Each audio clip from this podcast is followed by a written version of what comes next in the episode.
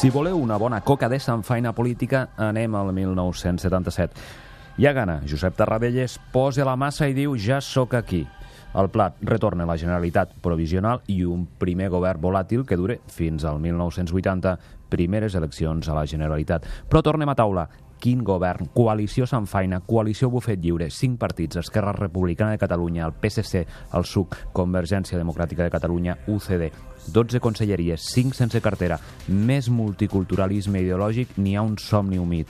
Per allà passen de consellers Jordi Pujol, Antoni Gutiérrez Díaz, Narcís Serra, Joan Reventós, Josep Maria Triginer, Eduard Ponset, per desmallar-se amb aquesta pujada de tensió de pluralitat.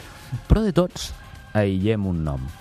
Carles Sentís, conseller per UCD, diputat al Congrés espanyol des de 1977 i un dels homes més actius perquè Tarradellas tornés.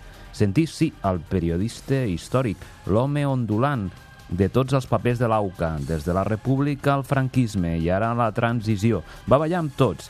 I sí, aquell periodista assessor no era el primer govern de coalició que vivia, perquè, clar, els catalans ja sabien el que eren els governs de coalició amb la Generalitat Republicana, amb Macià, amb Companys, i allà estava un sentís etern. El periodista va ser spin doctor del Consell de Finances Martí Esteve, va ser el seu secretari de 1933 a 1934, durant els governs de Lluís Companys que salten pels aires amb els fets d'octubre de 1934 i el propi sentís acaba empresonat. Però tornem al plat de la coalició. Sentís i Esteve eren d'acció catalana, partit petit però de prestigi, d'intel·lectuals d'homes que marcaven la brúixola de l'opinió pública.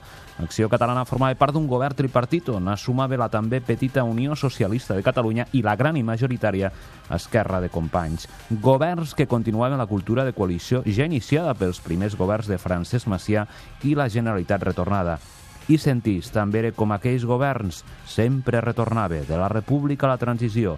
La seva coalició era l'omnipresència, com un zèlic de Woody Allen sempre xuclant càmera. doncs sí, una història molt interessant, com sempre. Gràcies, Francesc Canosa, i ens retrobem d'aquí no res.